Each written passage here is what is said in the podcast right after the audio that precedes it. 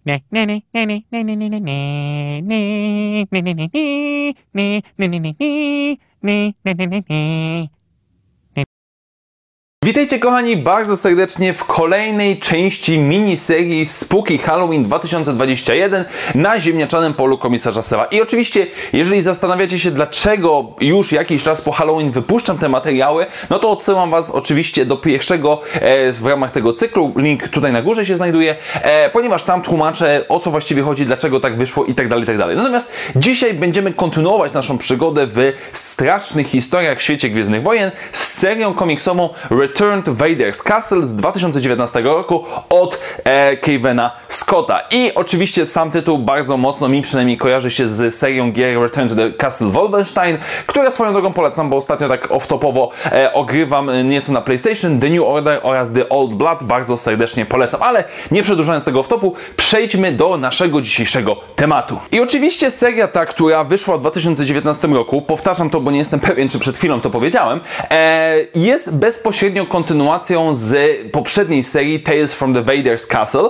e, fabularnie jak i również stylistycznie. Jeżeli chodzi bowiem o fabułę, mamy tutaj kontynuację wątku niejakiego Tom, e, Tom Hapta, który jest e, oficerem e, Sojuszu Rebeliantów, który został uwięziony na planecie Mustafar i w tej serii komiksowej, w głównej linii fabularnej jest torturowany i przesłuchiwany przez niejakiego Veina, który jest wiernym, pokornym sługą e, Vadera, który zajmuje się powiedzmy jego włościami podczas nieobecności swojego pana. Ale oczywiście również nie tylko fabularnie jest to kontynuacja poprzedniej części, tylko również jeżeli chodzi o strukturę całej opowieści, ponieważ z jednej strony mamy ten główny wątek skupiający się na przesłuchaniu w zamku na Mustafar, jednocześnie jest on przeplatany różnego rodzaju strasznymi historiami ze świata Gwiezdnych Wojen, które mniej lub bardziej nawiązują do klasyki, powiedzmy, kultury, popkultury, jeżeli chodzi o właśnie takie spooky historie. I właśnie te spooky historie są głównym elementem serii komiksowych od Kevena Scotta, tych, tych powiedzmy młodzieżowych,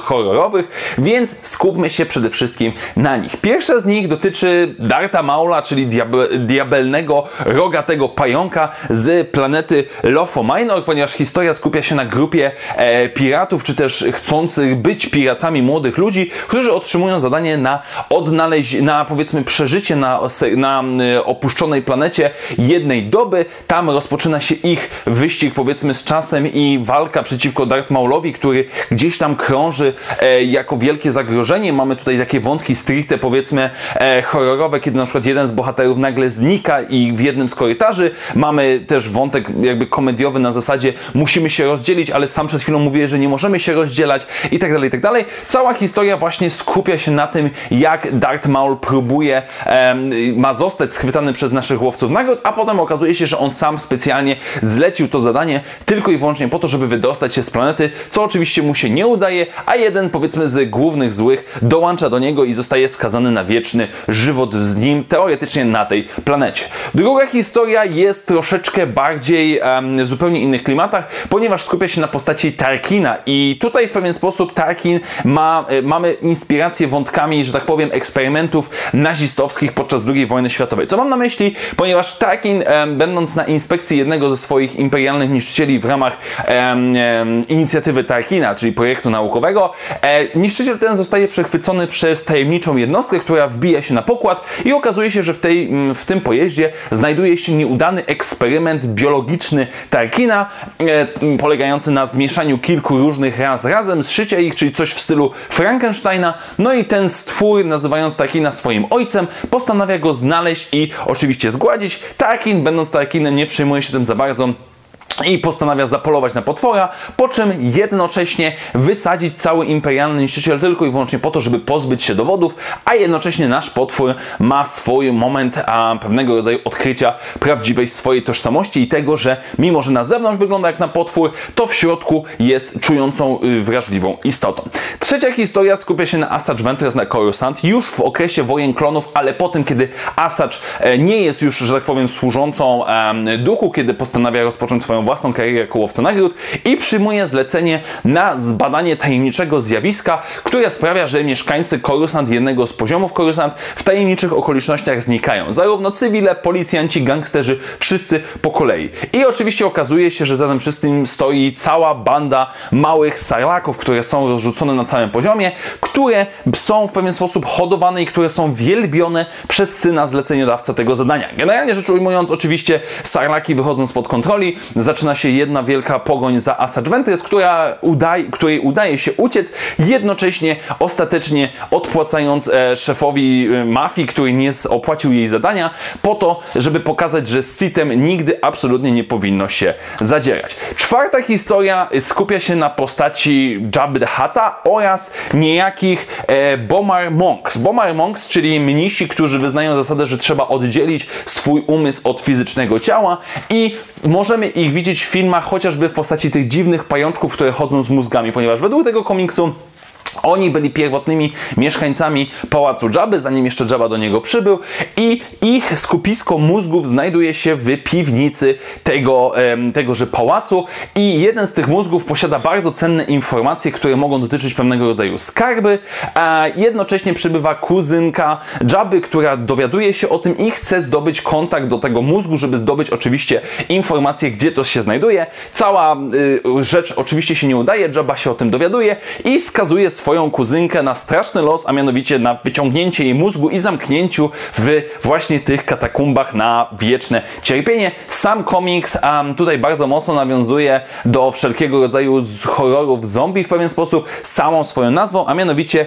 e, Vault of the Living Brains, co jest prawdą, bo dosłownie mamy do czynienia z e, skarbcem pełnym żywych mózgów, e, ale sama nazwa jest całkowicie creepy. No i na samym końcu mamy historię dotyczącą Vadera i po raz kolejny zombie, a dokładnie dokładnie Night of the Lava Zombies. E, kolejną historię, która pokazuje nam życie Vadera na cudownej planecie Mustafar, gdzie tym razem mieszkańcy planety zdobijają się do jego zamku i udaje im się e, jednej z czarownic, która kontroluje pewnego rodzaju zombie z lawy, ugryźć Vadera, który rzekomo przez chwilę jest pod władzą tejże wiedźmy, czyli mamy Vadera zombie lawowego. Jeżeli ktoś potrzebuje jakiegoś ciekawego miksu, oczywiście okazuje się, że Vader w żaden sposób się tym nie przejmuje i postanawia pozbyć się w całkiem brutalny sposób tejże naszej właśnie wiedźmy na oczach wysłannika Palpatina, który przez cały generalnie zeszyt jest takim comic reliefem, który na wszystko narzeka, na wszystko marudzi i na końcu jego usta zostają zamknięte właśnie poprzez działania i akcje samego Vadera. I na pierwszy rzut oka można byłoby powiedzieć, że ta seria komiksowa jest niemalże identyczna jak poprzednia,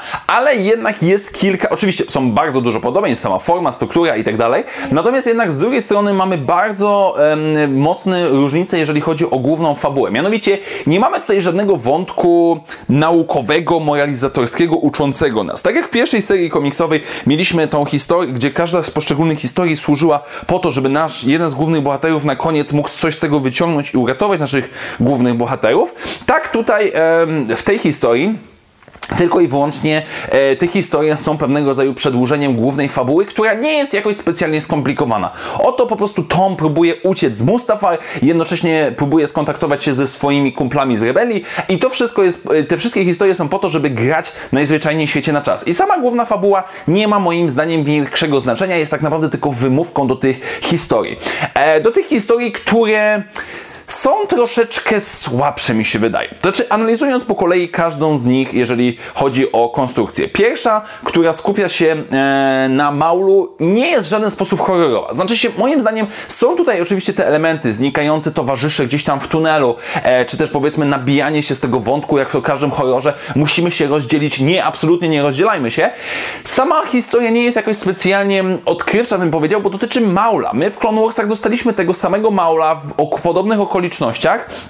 Więc nie widzę tutaj nic za bardzo potencjalnie horrorowego. Kolejna historia dotycząca Tarkina, która jednocześnie ma najgorsze rysunki w całym tym cyklu. E, generalnie rzecz ujmując, rysunki w tym cyklu troszeczkę poszły w dół, powiedziałbym całościowo. Nie jest jakoś tragicznie, ale mimo generalnie całość poszła w dół moim zdaniem zarówno w głównej, e, głównej fabule, jak i również w tych poszczególnych opowieściach, ale o tym jeszcze za chwilę.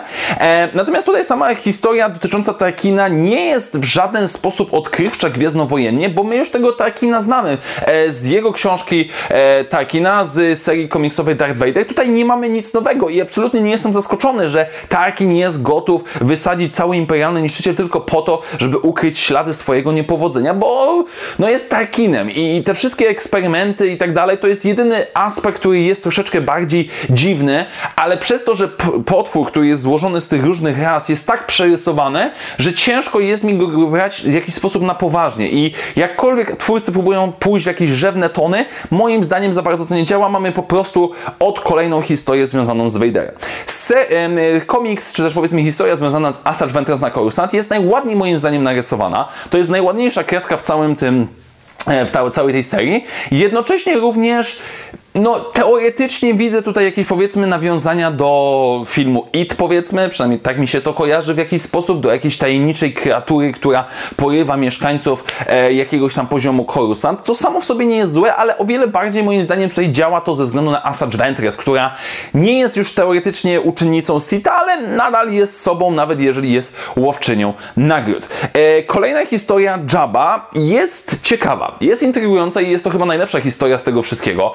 E, jednak zacznijmy od tego, że mamy tutaj całkiem ciekawe e, nawiązania, ponieważ pojawiają się w pewnym momencie e, psy Ak, które pojawiły się w legendach w serii komiksowej Republic, kiedy Mace Windu śledził, gdzie one się znajdują, jeżeli może niektórzy z Was pamiętają, które tutaj walczą z jednym z potworów Jabby, co, co jest jakby bardziej, jak najbardziej w porządku rzeczą, ale sama sposób, sama historia dotycząca tych mnichów, którzy oddzielają swoje mózgi, dodaje nam rzeczywiście takiego, takiego creepy klimatu, szczególnie kiedy weźmiemy pod uwagę zakończenie, które no jest, jest brutalne. Znaczy się wyciągnąć czyjś umysł, um, mózg i, i, całą jego świadomość zamknąć na wieczność gdzieś tam w katakumbach, no to może być najzwyczajniej w świecie bolesne. Jednocześnie również jest trochę ciekawy zabieg, ponieważ cała ta historia jest określona bardzo bajkową, bajkową kreską, powiedziałbym. To wygląda po prostu jak bajka dla dzieci, e, co z jednej strony jest śliczne, bo to jest bardzo ładna kreska, ale z drugiej strony daje taki trochę creepy klimat, bym powiedział,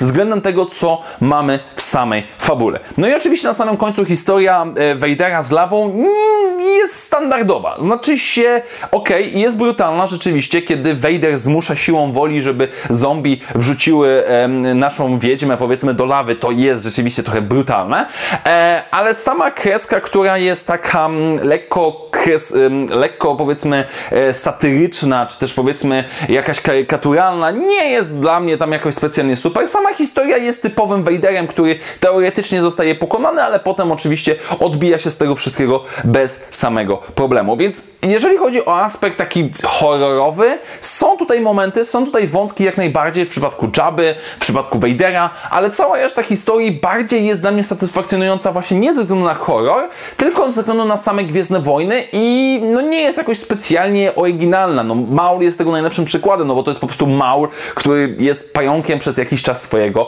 życia. Więc generalnie rzecz ujmując, seria ta moim zdaniem jest trochę spadek formy, jeżeli chodzi o, o fabułę, jak i również mimo wszystko kreska, która nie jest w większości przypadków jakaś tragiczna, zła, ale no nie pociągnęła mnie, nie zachwyciła mnie w pewien sposób tak, jak to było było w poprzedniej serii komiksowej. Tak więc cóż mogę powiedzieć w ramach podsumowania? Mamy teoretycznie domknięcie wątków głównego, ponieważ naszemu głównemu bohaterowi z pomocą jego towarzyszy udaje się uciec z Mustafar. Zobaczymy oczywiście jak to będzie w następnej e, serii czy też one-shocie kontynuowane. Natomiast sama seria Return to Vader Castle moim zdaniem jest trochę słabsza. A bardziej mi się podobała ta poprzednia z 2018 roku. Ta bowiem jest nie tyle zła, nie tyle niedopracowana, co po prostu ma się trochę wrażenie, że mogłoby być to trochę inne.